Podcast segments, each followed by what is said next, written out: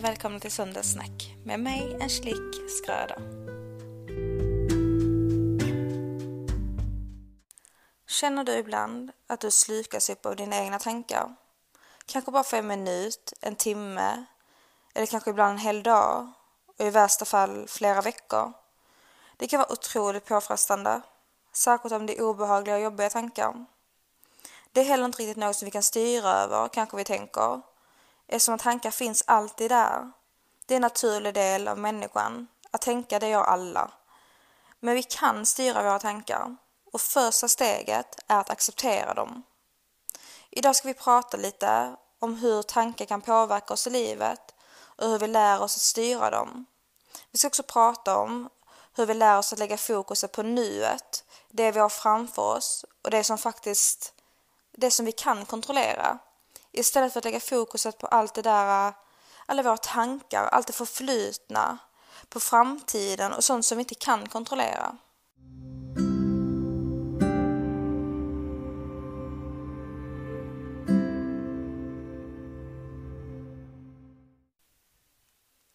Visste ni att vi tänker cirka 65 000 till 70 000 tankar per dygn? Och många av tankarna är samma som vi tänkte igår.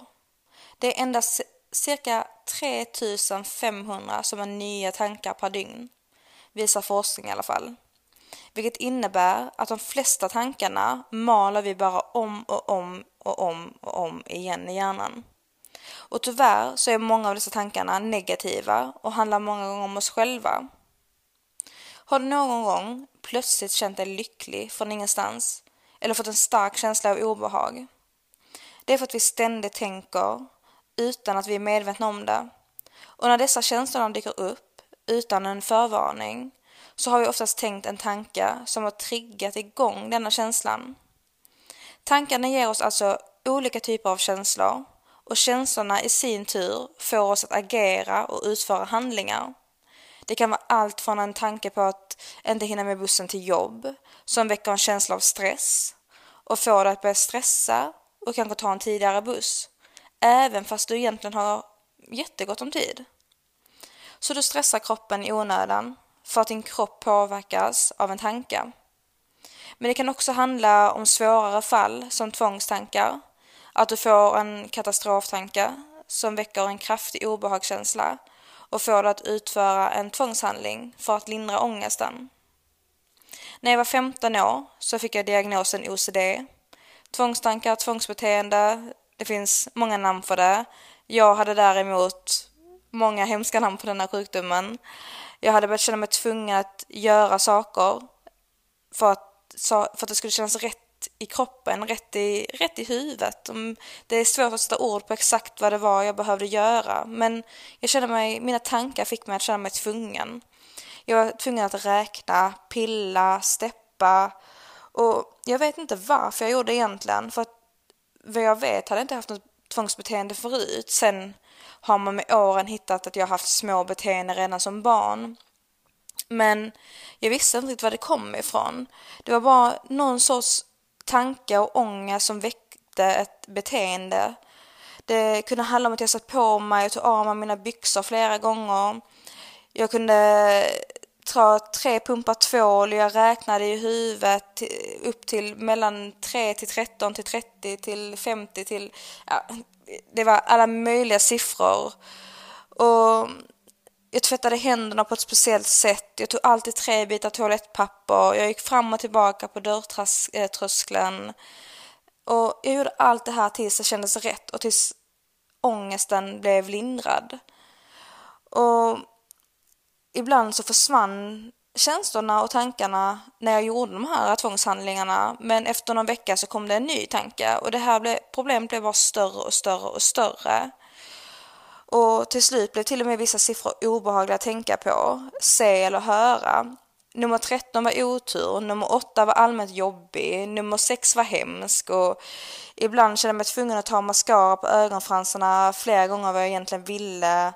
Ibland var jag tvungen att sätta upp håret, ta ner det igen, ta upp det igen, ta ner det igen. Och allt det här tills det känns rätt. Det blev liksom en ritual. Och det här var med allt. Det var när jag skulle sätta på mig skorna, en jacka, eh, när jag skulle gå och lägga mig i sängen, när jag skulle öppna och stänga en dörr. Och jag hade så många olika saker för mig. Och när det ena försvann så kom det alltid någonting nytt. Jag var alltid tvungen att göra någonting för annars var jag rädd att något skulle hända, någon nära till mig. Eller att jag kanske skulle bli ovän med någon eller att någon annan råkade ut för något hemskt. Och ni vet, de flesta av så här, volymen på tvn ska vara på en jämn siffra eller att man ska kontrollera spisen och så här. Det, det är vanligt, alla människor har ju sånt ibland.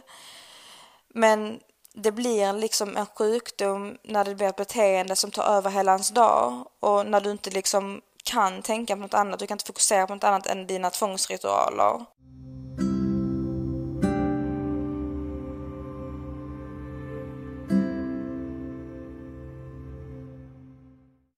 Ibland kunde jag stå på en balkong eller vid tåget och tänka, tänk om jag hoppar.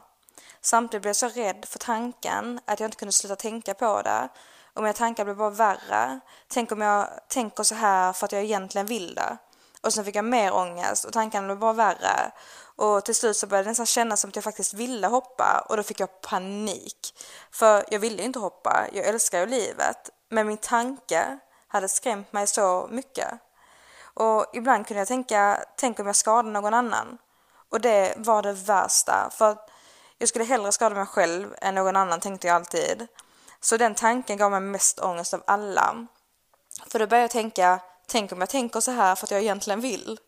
Och ni hör själva, en liten tanke kunde ta upp hela mitt liv. Och så här var det i flera, flera år. Och dessa tankarna kan ju alla människor få. Och varje gång jag pratar med andra människor som inte har OCD så säger de nästan alltid, men sådana tankar har jag också. Men skillnaden är att människor med OCD fastnar i ett tankemönster som väcker enorma ångestkänslor för att vi inte kan släppa tanken och vi tror att någonting är fel på oss.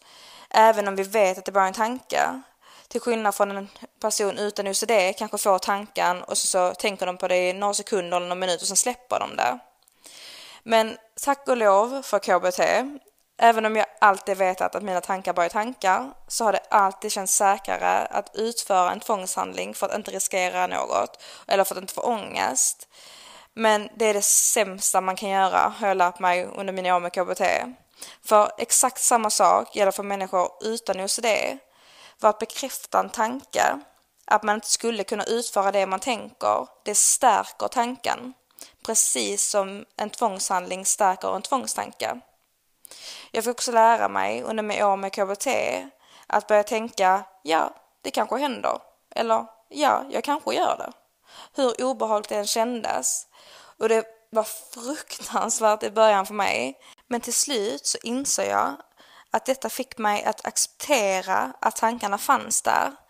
Och de slutade ge mig ångest för att jag normaliserade dem istället för att bli rädd för dem.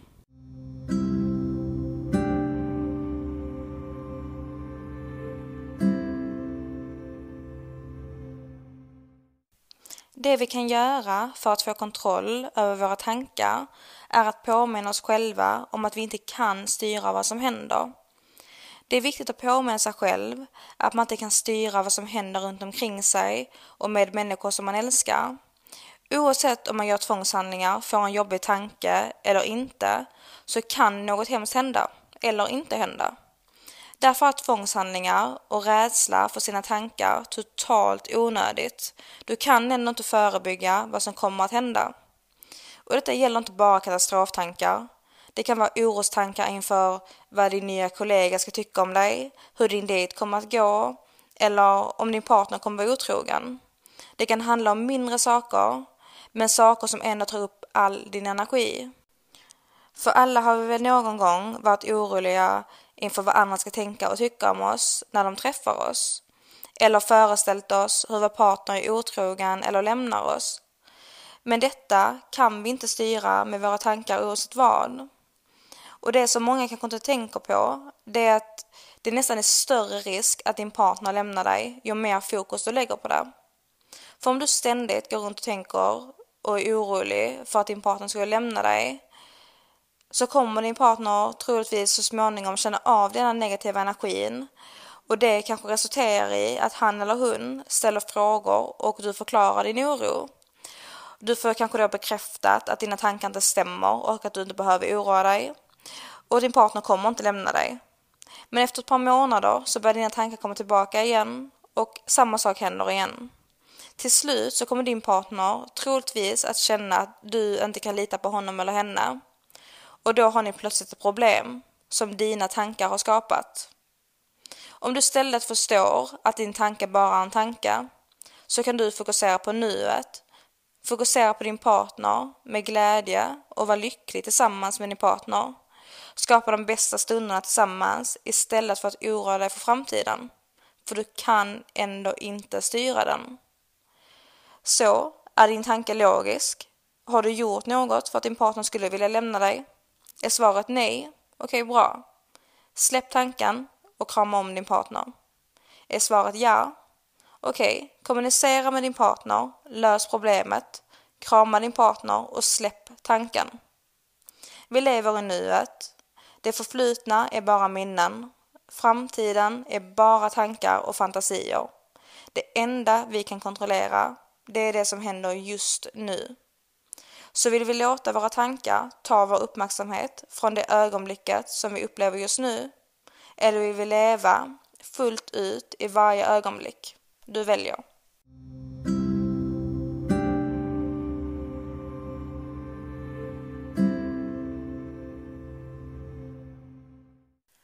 Jag lärde mig något helt fantastiskt under meditation tidigare i veckan.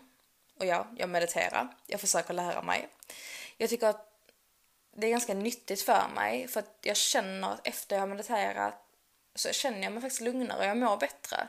Men jag har bara så svårt att slappna av när jag gör det. Men jag vill verkligen bli bättre på det, jag försöker lära mig.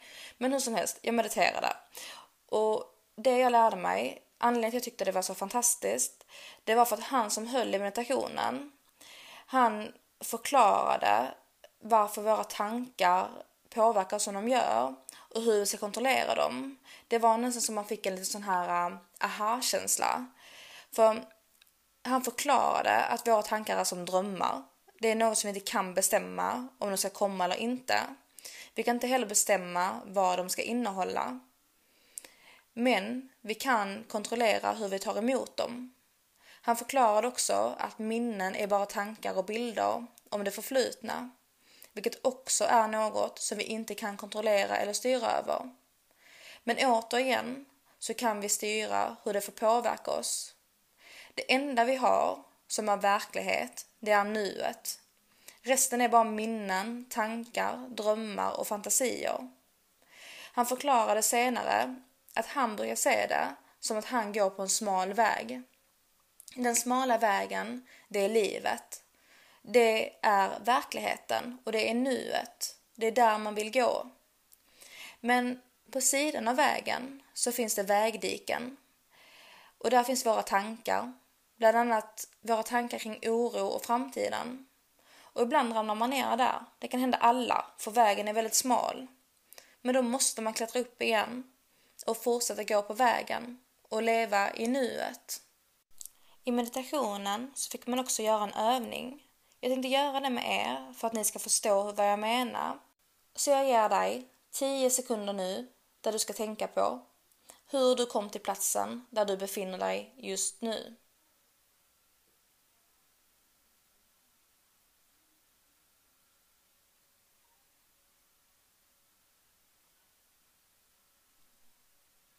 Det var ett minne. Du kan inte ändra på det, för det har redan hänt. Du får nu 10 sekunder att tänka på vad du kommer göra om en timme.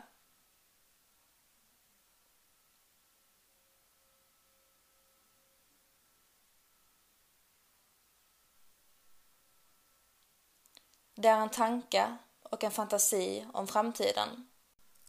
När jag gjorde detta så tänkte jag på att jag skulle duscha och diska efter meditationen. Men det gjorde jag inte. Jag åt frukost och drack kaffe istället. Utan att tänka på vad jag hade tänkt på tidigare. Så min tanke och fantasi blev inte som jag hade tänkt mig. Förstår ni hur jag menar? Även om jag tänkte på en sak så blev det annorlunda. För vi kan inte kontrollera framtiden. Oavsett hur mycket vi än vill. För våra tankar är bara tankar.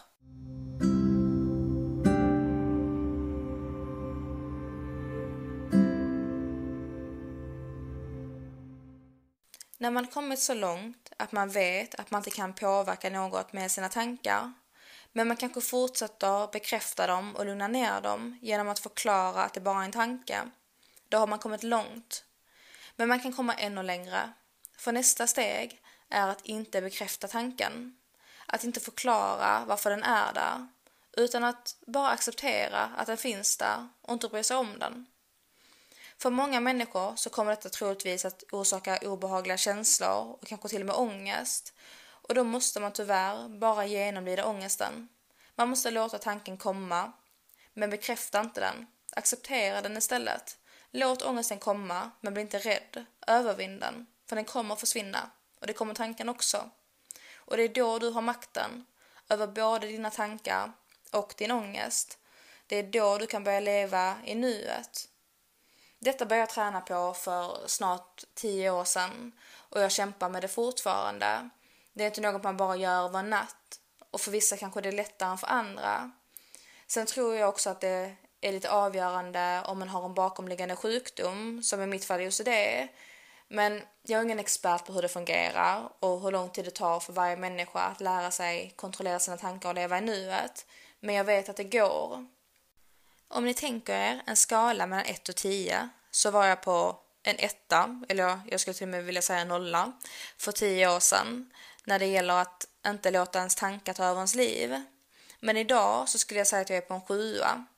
Så det är en pågående process. Vissa gånger är det lättare och andra gånger är det skittufft. Men när man lär sig acceptera att tankar finns där, att man inte kan påverka dem och att så kommer det vara hela livet så inser man också ganska snabbt att man inte vill leva ett liv där man styrs av sina tankar. Och den motivationen är den som har fått mig att komma dit jag är idag gällande min OCD och mina tankar. Men jag kan fortfarande ha många obehagliga tankar och jobbiga tankar. Ibland tvångstankar och ibland bara vanliga tankar kring oro för framtiden eller det förflutna. Det är ju inte bara något som försvinner och sen är man alltid fri från tankar det, lär, det handlar väl lite grann om hur man lär sig hantera dem.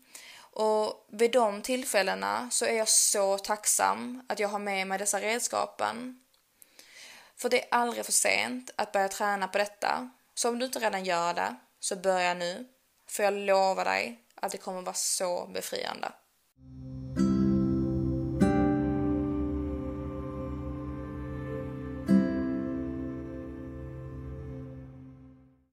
Att kontrollera sina tankar låter lite som en superkraft. Det är det också. Däremot vill jag förtydliga att ordet kontrollera ska tas med en nypa salt. För enligt mig så kontrollerar man sina tankar när man lär sig acceptera dem. För det är du som bestämmer. Men ordet kontrollera kan också tolkas som att man fritt lär sig exakt vad man alltid ska tänka på och inte. Men så är det inte. För jobbiga tankar kommer alltid komma oavsett om man vill eller inte. Men när vi tänker aktivt så bestämmer vi vad vi ska tänka på. Men utöver det så har många tankar omedvetet och undermedvetet, vilket innebär att tankar bara kommer av sig själv, oftast på grund av underliggande oro eller i följd av andra tankar. Men det är dessa tankar som vi måste lära oss att acceptera. För när vi accepterar dem så får vi kontroll eftersom att vi inte längre låter dem påverka oss. Och det är på så vis jag menar att man tar kontroll över sina tankar. Men det finns också ett litet råd som jag brukar bära med mig. Och det är att inte tro på allt du tänker. För dina tankar existerar inte i verkligheten. Tankar är bara något som finns i ditt huvud. Vilket innebär att du är inte dina tankar. Och exakt den meningen, du är inte dina tankar, har varit så hjälpsam för mig. Något som också har hjälpt mig många gånger när mina påfrestande tankar inte försvinner, det är att fråga mig själv. Är min tanke logisk? Kan jag göra något åt det? Kommer min tanke förändra något? Om svaret är nej på dessa frågorna så tar tanken troligtvis bara energi från mig som jag kan ägna åt att bara vara i nuet istället. Så kom ihåg, dina tankar är bara tankar. Dina tankar finns inte på riktigt. Det är inte verklighet. De existerar inte. Det är bara bilder och tankar kring det förflutna eller fantasier och drömmar kring framtiden. Det enda som faktiskt finns på riktigt, det enda som faktiskt är verklighet, det är nuet som du har framför dig just nu. Så fokusera på det och låt bara tankarna komma. Låt dem vara där, acceptera dem och låt dem sedan passera igen.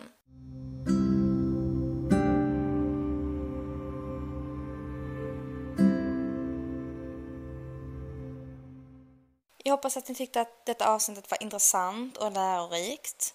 Sen vill jag önska er en fantastisk start på den kommande veckan och hoppas verkligen att ni haft en jättemysig helg där ni bara har tagit hand om er själva och gjort sånt som ni tycker är kul.